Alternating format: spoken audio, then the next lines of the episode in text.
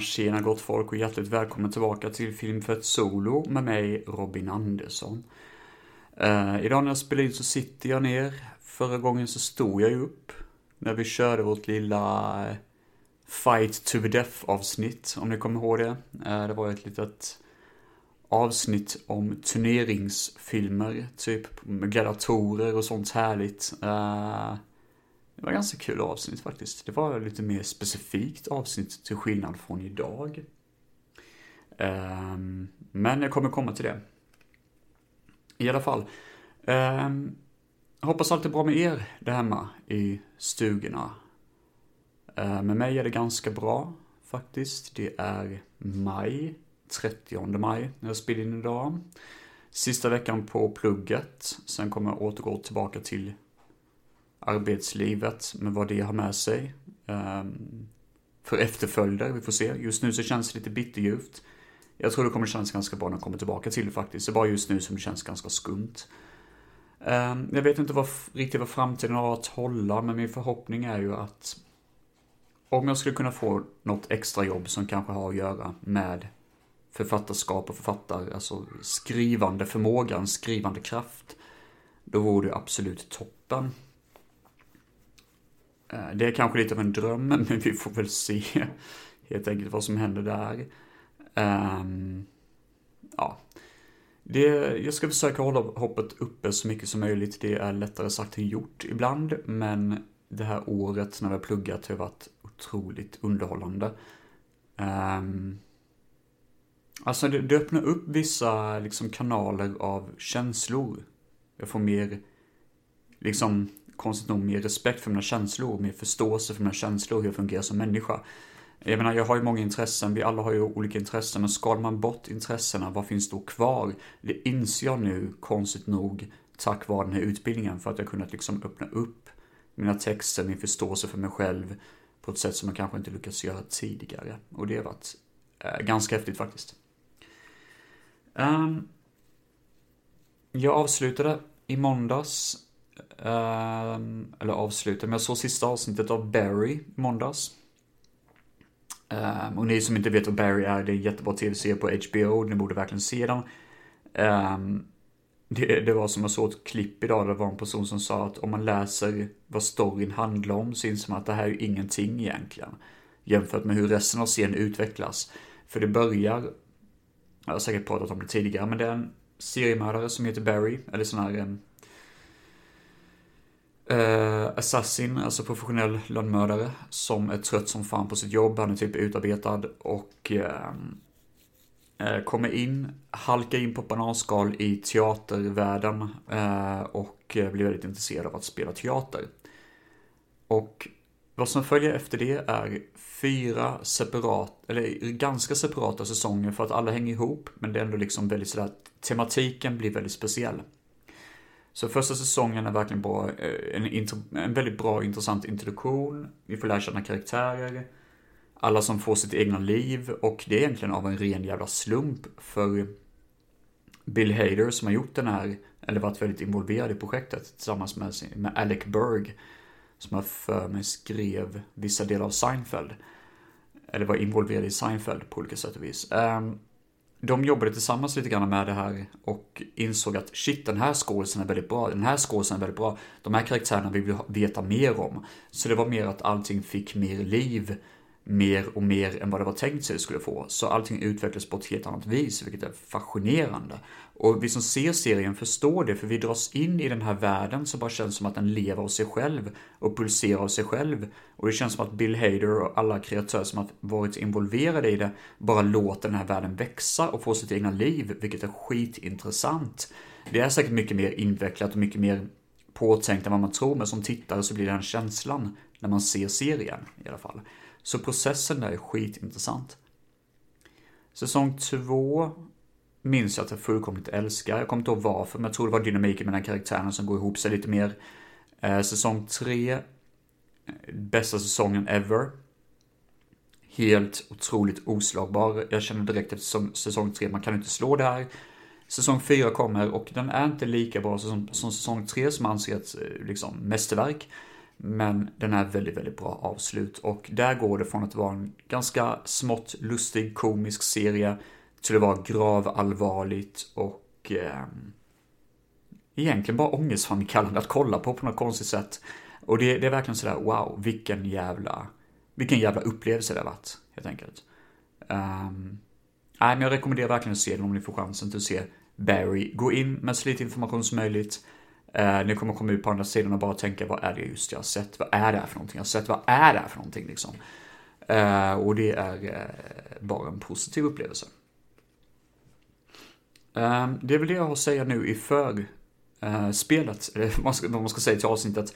Eh, så jag tänkte vi kör igång eh, dagens tema, som är då thrillers. Jag försökte hitta något mer specifikt att gå in på, för jag gillar att ha en specifik tema som faktiskt har en tematik som följs. Förra gången så pratade jag lite grann om white trash thrillers. Och då pratade jag exempelvis om Förra gången jag snackade om thrillers var det så i alla fall. Och då pratade jag exempelvis, vad fan heter den nu igen? Alltså det står verkligen still i huvudet. Han som gjorde mm, Exorcisten, jag kommer inte ihåg vad han heter. Han gjorde ju någon thriller som heter White Trash. Killing Joe tror han heter. Om jag inte minns helt fel. Killer Joe kanske det är till och med. Uh, ja, i alla fall. Det, det, var ett litet avsnitt om lite white trash thrillers, vilket var väldigt intressant. Fan, snackar inte jag om den där halvt värdelösa hotellfilmen också då? Som man inte heller kommer ihåg namnet på. Night at El Royal, eller vad fan hette. Jo, det gjorde jag. Och så var det ytterligare en hotellfilm, just det. Men jag började komma ihop sig de här ledtrådarna till det avsnittet. Det var, ja, jag vet inte varför jag fastnade i det, förlåt mig. Nej men i alla fall, eh, idag är det thrillers, mer generellt thrillers. Eh, det är någon typ av motstånd, i alla fall någon, någon typ av hot i alla filmerna. Ja, alltså jag vet inte fan. Jag har ingen aning vad jag ska kalla avsnittet ärligt talat. Vi får väl se. Det var mest att jag hade sett typ tre eller fyra filmer och så insåg jag att ja, men jag har sett typ fyra thrillers på, på rad. Och då har jag typ liksom material så det räcker till ett avsnitt. Det kommer vara väldigt högt och lågt, det kommer verkligen landa på olika pladaskiga sätt. Ehm, vi får se helt enkelt hur det här avsnittet tar sig, precis som vanligt. Ehm, jag har ingen jävla aning. Men jag tycker vi sätter igång direkt och siktar in oss på en film som heter Intacto. Nu sitter jag med EMDB framför mig, så jag ber om ursäkt om ni hör ett klick i bakgrunden. Eh, regisserades av Juan Carlos Fresnadillo. Fresnadillo. Jag butchade helt och hållet hans namn. Eh, det här är en regissör som föddes 1967 i Teneriffa i Spanien. Ligger Teneriffa i Spanien? Ja. Ni hör ju själva, alltså jag är ju fruktansvärt dålig på namn. Han gjorde bland annat då 28 veckor senare. Och det är väl uppföljaren då misstänker jag till 28 dagar senare. Um, han har gjort en del filmer faktiskt. Han håller på med en som heter The Sword in the Stone just nu. Salvation var en tv-serie, han spelade in ett avsnitt. Uh, Intruders från 2011 verkar vara en film han har gjort med Clive Owen. Ja, jag känner inte till jättemycket av honom. I alla fall, det här är då en film med då, vi ska se vad det är för skådespelare. Max von Sydow var väl det ledande, stora namnet och sen en massa spanska aktörer som kanske, som tyvärr inte känns igen jättemycket. De är säkert kända i deras hemländer, vilket är otroligt bra, men det, det är inga namn jag känner till så. Men Max von Sydow var ju jättekänd. I alla fall, jag ska försöka beskriva den här storyn, för den är lite flummig. Um, det handlar om ett kasino där det befinner sig en man som heter Fredrico som kan styra, um, han kan kontrollera lycka lycka. Det är typ som att han är en mutant, liksom. Han har en övernaturlig förmåga att kontrollera lycka. Eh, att folk vinner på spel och sånt liksom. Um, och Max von Sydow äger det här kasinot. Och när Fredrico ska sluta så kan han typ ta tillbaka hans kraft. Jag fattar inte hur. Jag trodde att han rör honom eller han typ kramar om honom och då neutraliseras typ hans kraft att fix, alltså att eh, kunna kontrollera lycka. Jag fattar inte riktigt det. Och jag fattar inte heller, det verkar vara, jag vet inte om det är andra personers lycka de kontrollerar. Jag vet inte riktigt reglerna bakom det här. Sju år senare så är det en flygkraschöverlevare som heter Thomas Sans. Som hade på sig massa pengar, han skulle smuggla pengar och han var den enda person som överlevde flyg, eh, den här eh, flygkraschen. Och eh, Fredrico blir sådär, ja men du, den här personen har den här kraften jag hade och vill hjälpa Thomas. Samtidigt så följer vi också en poliskvinna som drabbades av tur, men det är verkligen som en, som en förbannelse för hon var med om en bilolycka. Hennes barn och man dog, det var bara hon som överlevde. Um, alltså... Intakt och en sån film jag, jag vet inte fan, jag har väldigt svårt att hålla fokus under hela filmen. Så därför jag känner att jag inte kan göra den rättvisa. För det... Det är någonting med att beröring bryter den här förbannelsen, eller den här eh, turförmågan som folk har. Om Max von Sydow vill ha någonting med...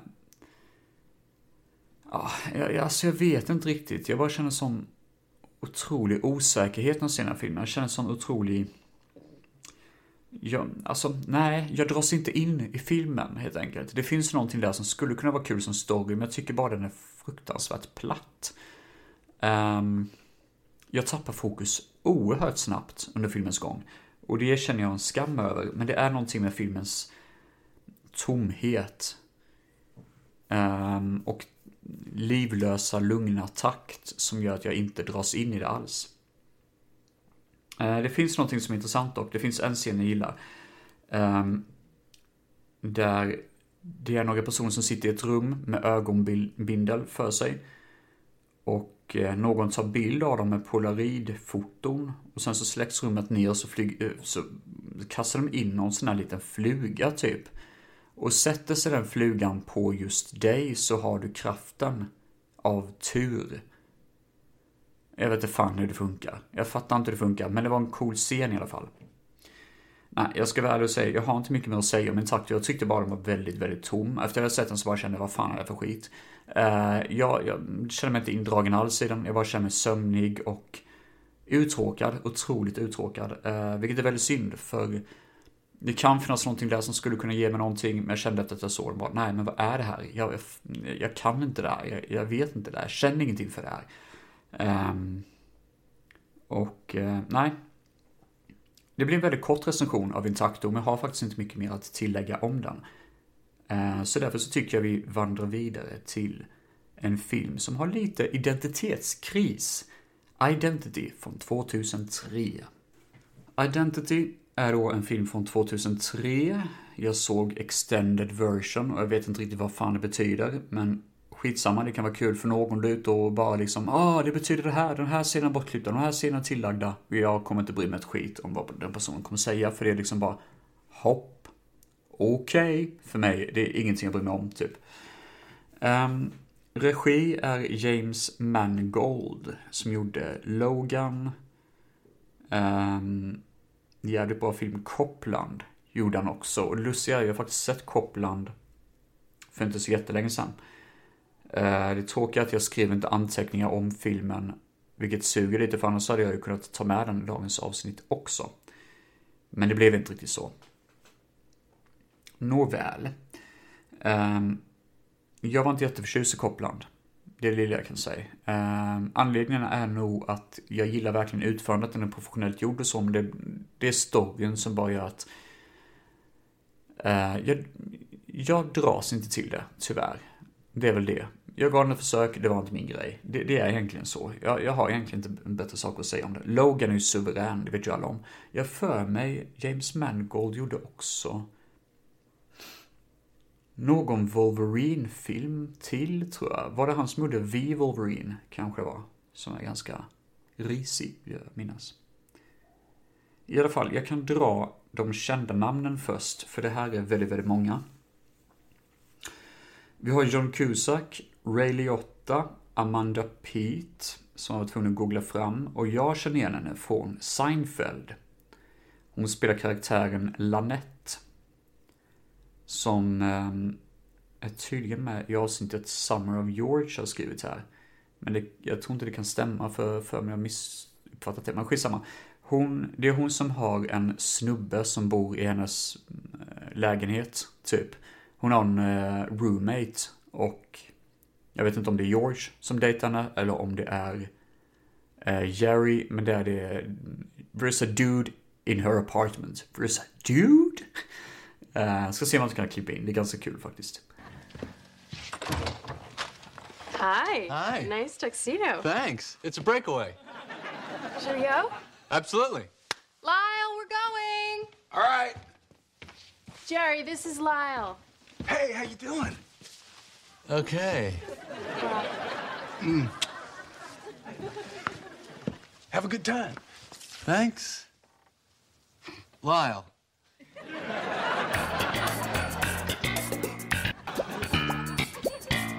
She had a dude? Yeah, when I went to pick her up, there was this dude. How do you know it was her dude? Well, you think it could have been just some dude? Sure, dudes in this town are a dime a dozen. I reckon. Or maybe she just wanted to go to the Tonys. I tell you what, you ask her out again, no Tony, just Jerry. That way you know if the dude is her dude or just some dude. Dude. Yeah. Hi. Sorry, I'm running late. I just lost track of time. No rush. Hey, Jer, what's up? I have absolutely no idea. Alfred Molina har vi också med i den här filmen. John Hawks, ingen aning, men det är säkert, säkert någon ni känner till. Clea Duval, eh, som jag tror... Clea borde väl vara relaterad på något sätt till Robert Duval, tänker jag. John C. McGinley, och det är han som spelar Dr. Cox i Scrubs. Suverän karaktärsskådis, faktiskt. Jake Busey, underbar Jake Busey, han vill man ju se lite mer utav. Eh, Pruitt Taylor Vince är den killen som är ganska stor. Han ser ut lite grann som Vince Denofrayao, med vad han heter. Eh, ganska rund människa. Eh, och eh, han som har lite skelögd. Eh, ögonen typ skakar på honom. Lite sådär fruktansvärt att beskriva en person som att den är skelögd, men... ehm, hur, hur annars ska man säga det på ett snällt sätt liksom? Nej, det, det är väl mest för att folk ska känna igen honom. Jag tror det kallas för lazy eye, när ögat typ darrar lite liksom.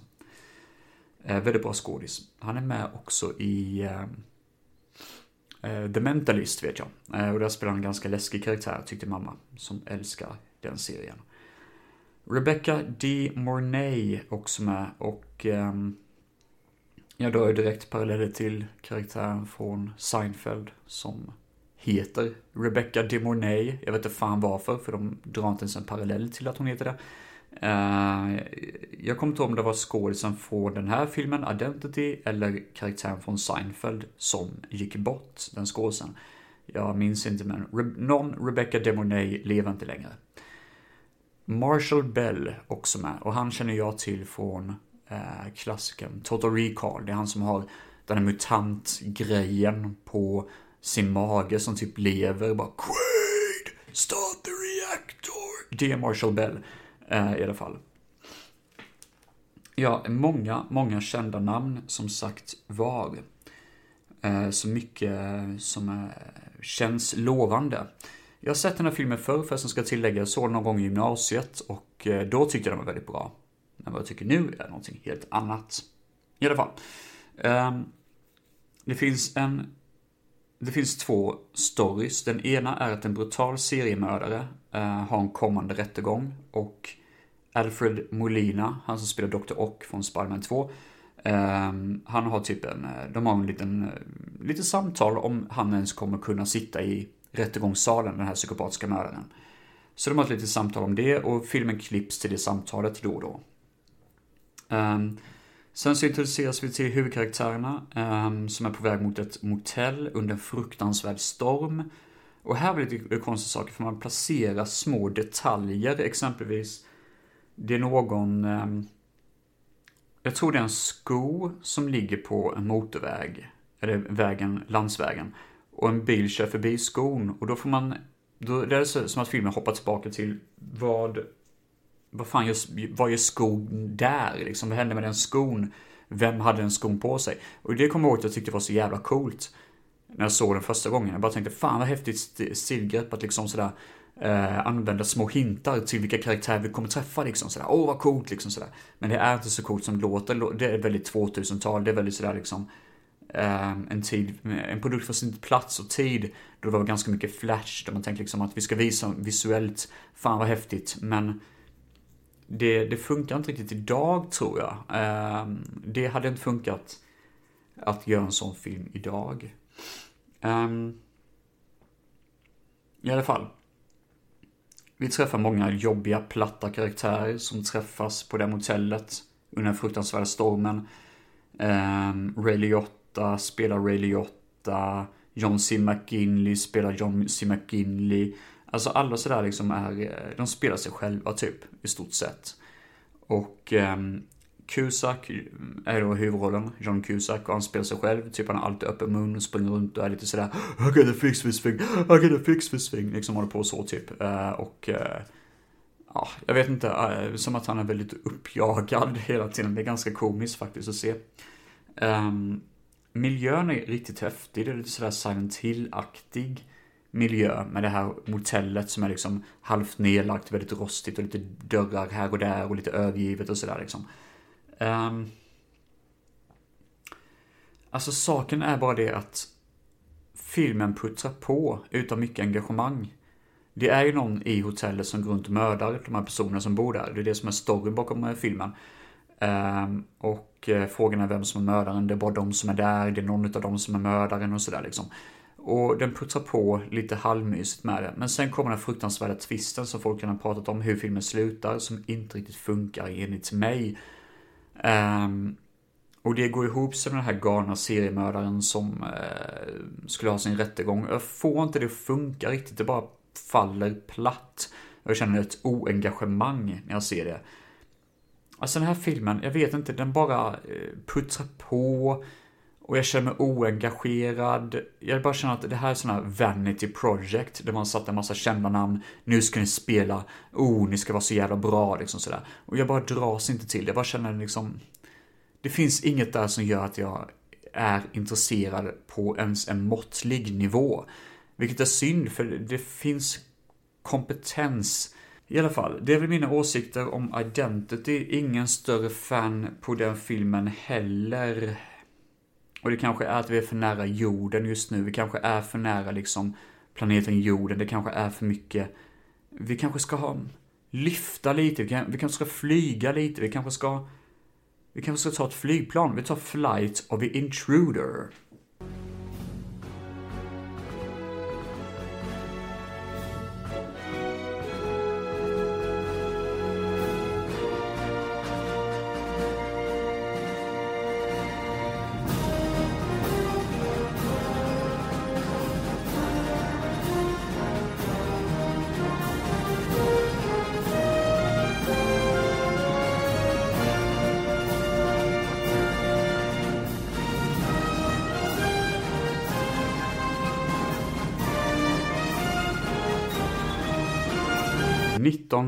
1991 kom en film som regisserades av författaren bakom Apocalypse Now och Conan Barbaren och även Red Dawn från 84. Oj då. Hmm, det var som fan. Um, John Milius heter regissören till den här filmen då. Och um, Flight of Intruder. Um, Ehm, har en jäkla massa A-list skådisar i sig. Danny Glover, William Defoe, Rosanna Aquette, eh, Tom Sizemore, eh, Ving Rames. Vem fan är han i den här filmen? Han kan inte ha varit med mycket alls. Vad konstigt. Fan vad skumt jag kommer kom inte ihåg alls att han är med i den här filmen. Eh, I alla fall. Det börjar med ett misslyckat flyguppdrag. Vi har några piloter som kör runt i sådana flygstridsplan i Nordvietnam och de ska göra ett eh, attentat mot ett eh, tilltänkt objekt. De kör dit och så bara, men vad fan, det finns inget objekt där. Ja, ah, okej, okay, det var ju rätt sjukt. Det var någon som har fått fel information, så de råkar bara bomba typ skogen och sen så bara flyr de. Eh, men så är det en eh, soldat som har ett gevär och skjuter, alltså av ren jävla tur, eh, en utav piloterna i det här planet som typ blöder till döds. Hans medkollega lyckas ta hela planet till um, um, till den här basen och uh, den här gigantiska flottan. Och eh, uh, där är ett akut möte. Där uh, det snackas ganska mycket om hur det här jobbet gick fel och hur, hur mycket olika fel de har gjort nu på sista tiden. Det är lite peptalk typ som går lite fel. Och sen så drar de ett skämt då, ganska roligt litet side-gag-skämt. Att det är någon som går runt på det här fartyget och skiter i askfat. Någon som man har döpt till Phantom Shitter. Um, och Jake, som huvudrollen heter, um, spelas av... Det är han förresten som är vår... Den eh, co-piloten som förlorade sin uh, polare då. Brad Johnson. Han gick tydligen bort i år.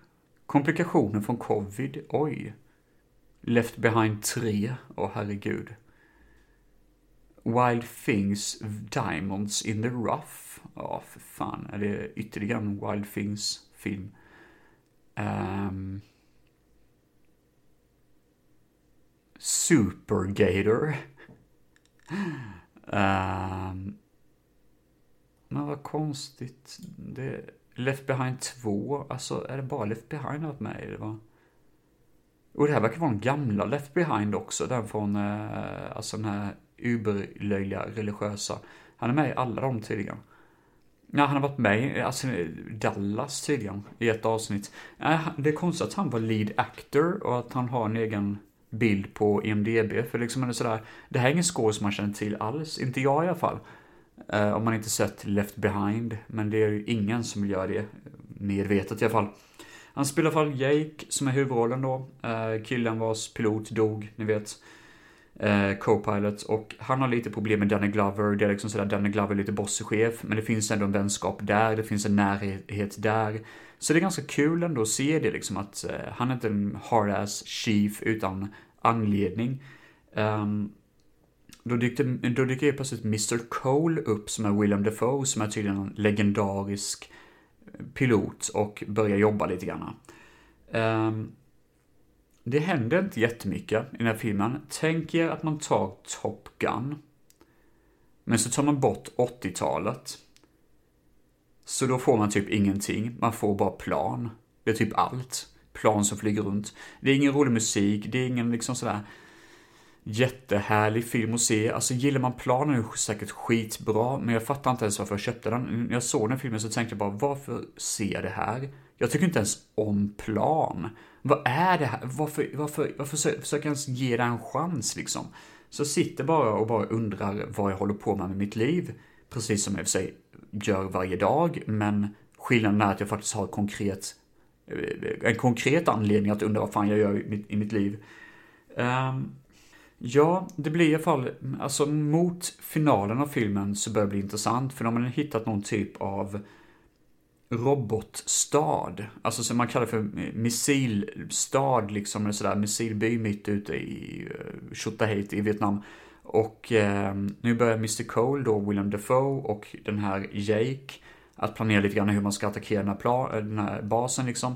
Och eh, det gillar jag. Det är riktigt nice. Men vägen dit är ganska torr. Um, så det blir en hämndattack och sen efter det så blir det också att um, de fastnar i djungeln.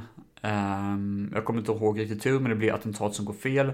Karaktärerna fastnar i djungeln och tvingas slåss för deras liv.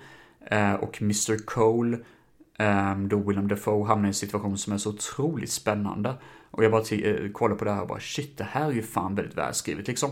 Och då känner jag verkligen empati för karaktären. Så karaktären lyckas jag få empati för. Men det är bara själva temat med flygplan som är så jävla tråkigt. Och man får det inte ens att bli spännande. Det är typ som att regissören bara liksom, eller filmskaparna bara, ja men flygplan är ju skitspännande, vi måste visa det. Men det är lite grann som att vi andra bara går runt på ett museum av flygplan och bara, men det här är ju inte så jäkla kul. Har ni inget roligt, typ apor eller någonting kul man kan kolla på istället? Varför har ni ett museum för just flygplan? Det finns ju faktiskt roliga museum att gå på, typ leksaksmuseum och sånt. Typ legomuseum och ja, ni, ni, vet nog vad jag pratar om. Det finns lite andra roliga museum att gå på. Eh, det där är min turistinformation till allmänheten. Nej, men um, nej, jag är inte jättesåld på den. Det blev betydligt bättre mot slutet än vad jag trodde den skulle bli och det var typ den enda som jag kände den gav mig. Um, bra produktionsvärde annars, så tycker ni om den här typen av film, sure, go for it. Inte min typ av film. Nu har vi varit runt och flygt lite grann och nu känner jag väl att vi tar en tidsmaskin tillbaka till 1800-talet.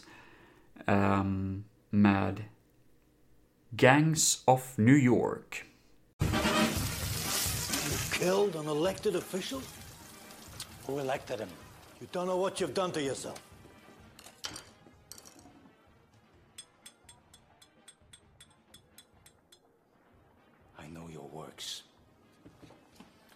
You are neither cold nor hot.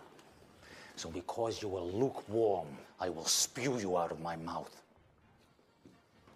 You can build your filthy world without me. I took the father. Now I'll take the son. You tell young Valen, I'm gonna paint Paradise Square with his blood. Two coats.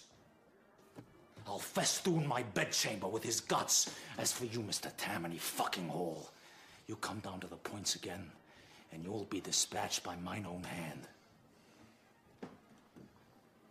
I'll get back to your celebration and let me eat in peace. I paid you fair. Martin Scorsese bestämde sig att han skulle göra den här filmen. Um, tydligen, vad jag läst någonstans eller hört någonstans, har den filmen kämpat om i flera, flera år. Uh, den är um, en film från 1800, eller inte en film från, men den utspelar sig år 1846 och handlar om New York. Hur New York i stort sett blev det det är idag, eller hur New York såg ut då. För att det var mycket gängkrig, det var Alltså varje gata hade sitt egna gäng typ och det var liksom bara ren anarki. Det fanns inte så mycket regler och lagar där och det var väldigt, väldigt, väldigt korrupt ställe. Um, det lustiga var att jag har den här filmen på DVD. Och det dyker upp en trailer innan filmen drar igång. Som är den här. Rob Schneider is the hot chick. Rob Schneider-filmen när han typ byter kropp med en tjej, eh, eller han, rättare sagt en kvinna som får Rob Schneiders kropp och så ska det vara jätterolig komedi. Och det finns ett jättekul South Park-avsnitt som eh, gör lite parodier på just Rob Schneiders fasansfullt dåliga filmkarriär. Rob Schneider was an animal. Then he was a woman. And now Rob Schneider is a stapler. And he's about to find out that being a stapler is harder than it looks. Rob Schneider is the stapler, rated PG-13. Weak. Ja, i alla fall, det var helt onödig information, eh, men jag tycker faktiskt det var jävligt roligt att försöka trycka in det också, för vad fan, varför inte liksom? Det är Rob Schneider-film.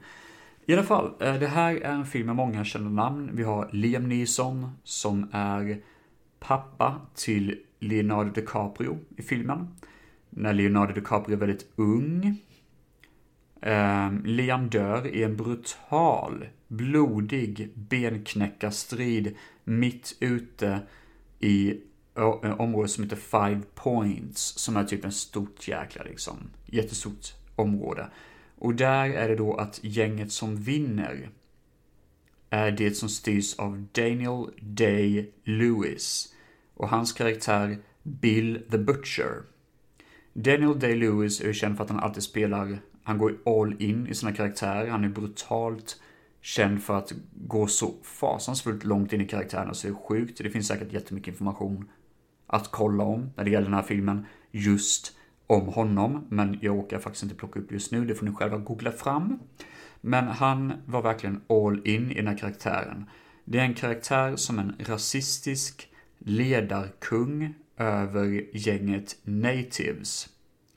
Han styr typ hela New York City och är känd som en knivexpert. Alltså han är verkligen sådär sjuk i hela jävla huvudet. Och han kallas Bill the Butcher för att han gillar att skära kött och liksom håller på med det. I alla fall, han vinner då hela Five Points-området efter den brutala, blodiga benknäckarstriden och Liam Neeson dör. Eh, pojken, eh, hans son då försöker fly, men blir fångatagen och uppfostrad i en uppfostringsanstalt.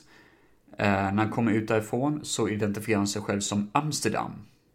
Jag vet inte om det var hans riktiga namn eller om det var ett namn han använde för att inte bli upptäckt som sin fars son.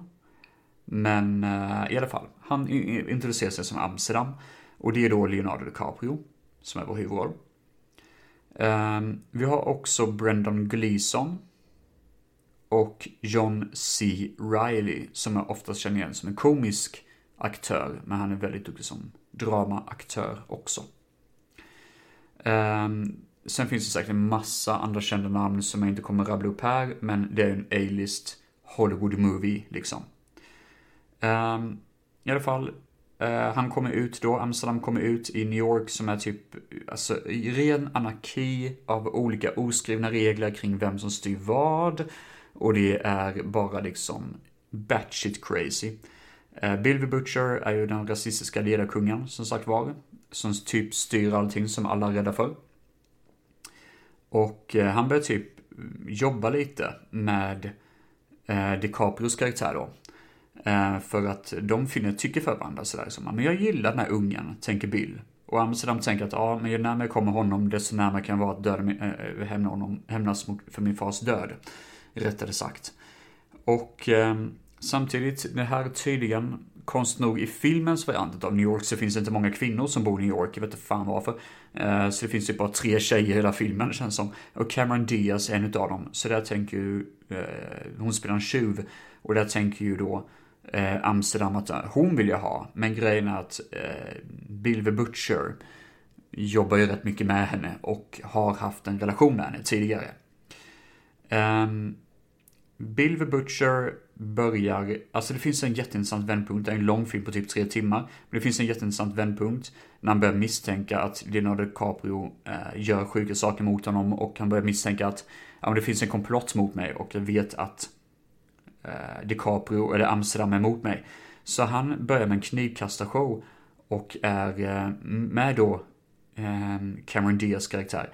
Och det är så en fruktansvärd scen där man bara känner att vad som helst kan gå fel nu, för han visar för Särskilt för de som känner till hans hat mot Amsterdam så visar han att det är jag som bestämmer. Jag håller era liv i mina händer. Jag kan avsluta den när fan ni vill. Och han gör den här showen mitt framför ett hav av människor som bara applåderar och håller på. Och eh, DiCaprio bara står där och bara liksom, helvete, det här kan gå väldigt fel, det här kan gå väldigt, väldigt fel liksom. Och han vet ju att han inte kan göra någonting för det är ett hav av människor här. Och Bill the Butcher är liksom fucking crazy typ. Um, så det är en väldigt intressant vändpunkt i filmen. Um, det finns många scener jag verkligen tycker jättemycket om. Alltså det är en väldigt intressant värld man har byggt upp, exempelvis att det finns olika gator där um, det börjar brinna i ett hus och det är precis på gränsen mellan två olika områden som styrs av olika gäng. Så då dyker det upp två helt olika sådana här eh, brandkårar och de börjar typ slåss mot varandra för man, de tillhör olika gäng. Så det blir liksom sådär, de är också ett gäng. Alltså allt verkar vara gängbaserat, vilket är otroligt intressant. Och den dynamiken tycker jag verkligen byggs upp i den här världen på ett väldigt häftigt sätt. Så världsbygget är den absolut mest intressanta aspekten. Och det gör att jag dras in så mycket i den här filmen, jag bara sugs in i den här, i vad det är man har byggt för någonting, för det är en väldigt häftig värld. Um, och det finns en magnifik revolt mot slutet av filmen som jag tycker är så häftigt. Som visar bara vilket kaos det kan bli med den här magnifika massan av Ehm, folk som har det väldigt illa ställt, alltså folk med dålig ekonomi. Eh, som är med och involverade i olika gäng för att överleva på gatan. Det är därför de har en tillhörighet med gängtillhörighet. För att det finns så många rika människor som bara bunkrar in sig i deras små hem och bara lever och njuter där liksom och lever på alla andras eh, liksom den här klasskillnaden och sådär. Samtidigt som det civila kriget börjar rekrytera. Men fan, det kan inte vara civila kriget, för det låter som att var det 1800-talet? Jag tycker, tycker det var inte så jävla länge sedan. I alla fall. Um, det, det, är ändå så intressant att se den här revolten som byggs upp mer och mer och mer. Och det är som en krutburk av spänning som bara detonerar i slutet. Det blir väldigt intensivt i slutet på ett väldigt häftigt sätt.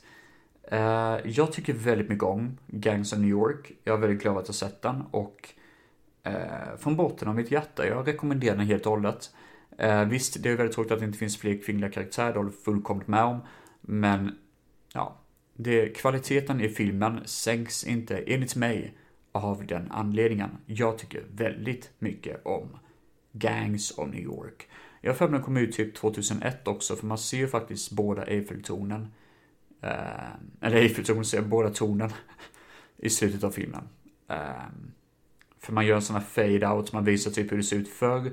Och sen så fadar man in och visar så här ser det ut nu då. Eh, och då så ser man båda tornen i bakgrunden. De är inte borta. I alla fall, det är det jag säger om Gangs of New York. Och eh, det blir en ganska kort avsnitt idag, men jag tycker vi hugger tag i dagens sista film. Så får ni gå ut i solen och gotta er sen efter det. Yes. Miami Vice från 2006 är baserad på någon typ av tv-serie. Samma namn från 80-talet. Jag har aldrig hört talas om Miami Vice för. Vet du fan vad det är. Det vad konstigt. Det låter inte all... Det var säkert ingen stor succé alls under 80-talet. Ehm, det låter verkligen som en sån här, det var typ en halv säsong. Okej, okay, ni som är nya lyssnare, eh, jag är självklart väldigt ironisk. Jag har snackat asmycket om Miami Vice, för det är typ en av världens bästa tv-serier. Eh, och eh, jag fullkomligt älskar den. Jag har varit lite rädd för att se filmen. För jag tänkte att jag vet om att det är en helt annan stil på det. Michael Mann som har gjort den här filmen gjorde den mer i stilen av Heat. Som kom under 90-talet, om jag inte minns fel. Um, han ville göra lite mer realistiskt, han ville göra lite mer grundat, han ville liksom go down to the bare bones, han ville verkligen göra något hårt. Um, så det var det han gjorde med Miami Vice. Um, den, här, den här filmen handlar då om uh, Sonny, och Rico spelade av Colin Farrell som karaktären Sonny och Rico av Jamie Foxx. De är undercover-poliser som söker um, infiltrera en, ehm, en jättestor och väldigt invecklad eh, kriminell ehm, ett kriminellt nätverk. Och det häftiga är faktiskt det att båda skådespelarna ehm, gick all in på att lära sig hur infiltratörsjobb går till med hjälp av riktiga undercover-agenter. Och det fanns tydligen en gång då Colin Farrell var så otroligt övertygande som Eh, um, undercover-agent att han skulle vara med i en operation, en riktig sting operation. Um, men han fick sån jävla panik när folk började ifrågasätta hans identitet så han improviserade och rev upp sin tröja och visade att han inte hade någon mikrofon på sig. Eh, um, senare samma natt så fick han en jävla ångestattack över vad som kunde gå fel. Så då ringde han den person som var ansvarig för operationen som sa det att okej, okay, hela den operationen var fejkad med, alltså hela det var bara liksom ett eh, test för att testa dig. Du var aldrig någon riktig fara, vi var alla agenter, yada yada yada sådär liksom. Eh, vet inte om det kan ha varit sant eller falskt, det vet man ju faktiskt inte. Men för fan vilken känsla det måste vara. Eh, Colin Farrell är en väldigt duktig skådis så han övertygar på att vara väldigt jordnära och det tycker jag verkligen lyckas med. Eh, Jamie Foxx är också väldigt duktig i rollen som Rico. Jag har lite svårt att tycka om karaktärerna, kanske av den anledningen att de inte jag tycker inte de får tillräckligt med rum för att bli intressanta karaktärer. Det är kanske det att de är ganska alldagliga, kanske klyschiga karaktärer. Men som skådisar betyder inte det något negativt alls. Eh, de ska i alla fall göra en, ett infiltratörsuppdrag mot en jättestor liga. Men det går fruktansvärt fel och det leder till en massaker där den person som var infiltratör blev ihjälskjuten. Och nu är de sådär bara fuck, vi är involverade här. Nu är vi redan involverade i att vara undercover med de här gubbarna. Vi kan inte försvinna, vi kan inte förstöra det för oss. Det är enda chansen vi har att ta fast de här gubbarna liksom. Så de har ju olika namn och hjälper till med att liksom drogpusha det här gigantiska eh, jättemassiva trädet av, eller rötterna kan man säga, av undercover eller underground-världen med kriminalitet. Det var väldigt dålig mening, men jag tror ni vet hur jag menar. Det är en väldigt avancerad och komplicerad struktur bakom den här fruktansvärda ligan som de ska ta fast helt enkelt.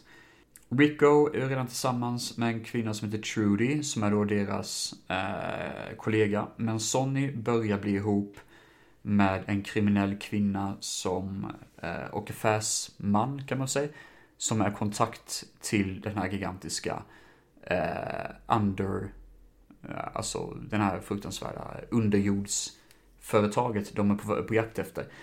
Och här blir det intressant, för nu börjar eh, liksom Sonny tänka lite grann på. Han vet inte riktigt var han börjar och var hans undercover-personlighet börjar någonstans. Det är som att båda blir samma sak, som att hans medvetna val är samma sak som den karaktären, som den här undercover-grejen han gör. Men han vet att han är så innästad i sin liksom undercover-presentation så han vet inte vad han ska göra.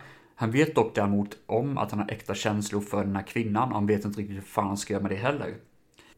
Det blir en väldigt intressant scen när Trudy blir fånge i en trailer. Um, en sån här eh, trailer park plats med um, en husbil kan man säga.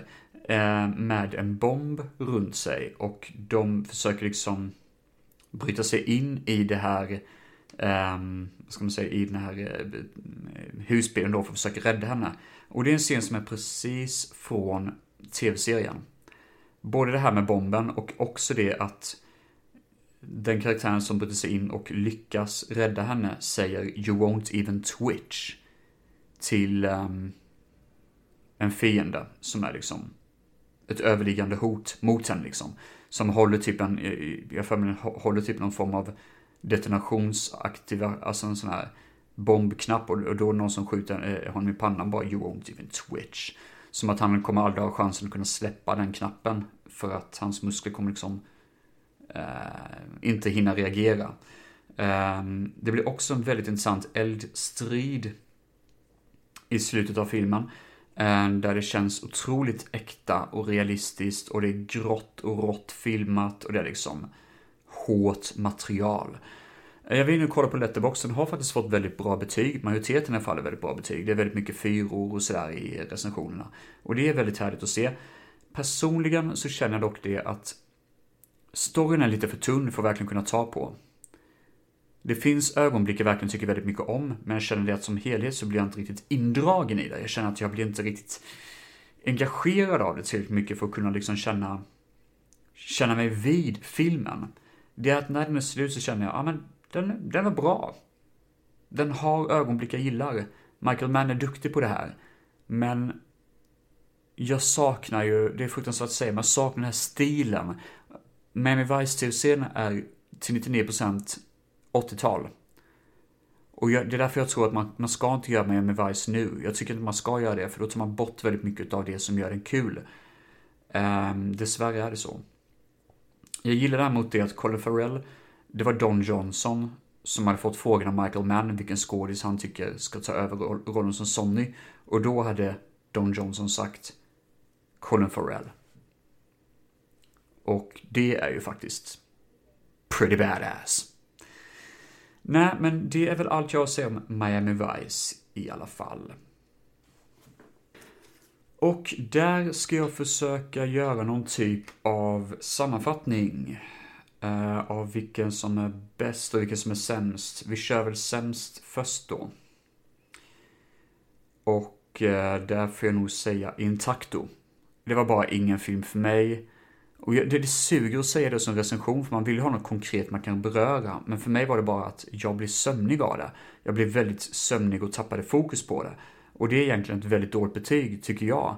Men samtidigt är det sådär, jag kan verkligen inte ens sätta fingret på vad det är som blir fel. Så nej, det är det enda negativa att säga om Takto. Jag blir bara sömnig av den.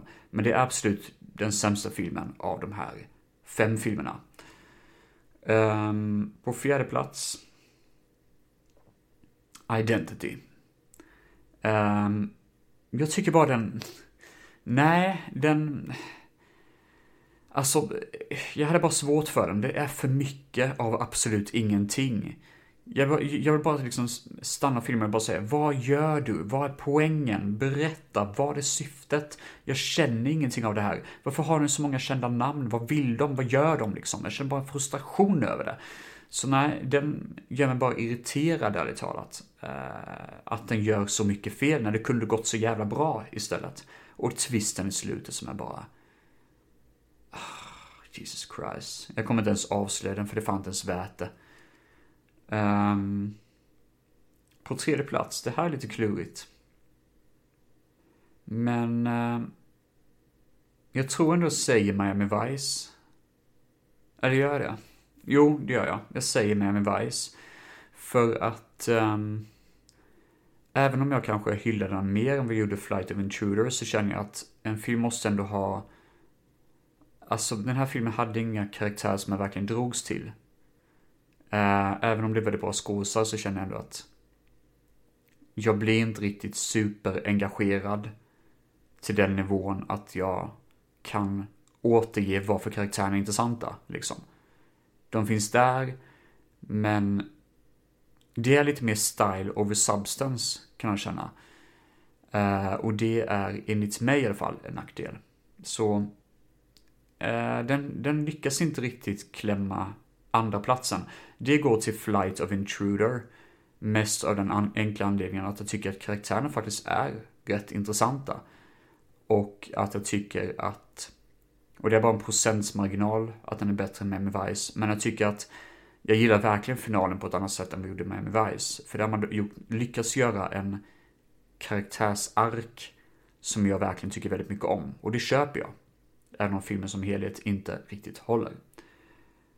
Best of the best däremot, och här har vi ett stort hopp, är det talat i kvalitet. För de här filmerna jag nämnt tidigare, Identity och Intacto är ju rent av dåliga. Flight of Intruder och Miami Vice är okej. Okay. Och här kommer en film som jag faktiskt genuint tycker är jävligt bra, och det är faktiskt Gangs of New York. Jag tycker den är väldigt bra. Och eh, jag rekommenderar verkligen att se den om man känner för att se en längre film med en väldigt hög kvalitetsstämpel. Och eh, med det sagt så tycker jag att vi kan avrunda dagens avsnitt. Ni har lyssnat på Filmfett Solo, precis som vanligt, med mig, Robin Andersson. Följ mig gärna på Facebook och Instagram. Introduktionslåten är gjord av Carl Nilsson från Filmsmakarna. Jag har faktiskt glömt att eh, säga det många gånger när jag gjort de här avsnitten, de här väldigt många avsnitten. Nej men tack för att ni har lyssnat på dagens avsnitt. Ha det så bra allihopa. Hej då!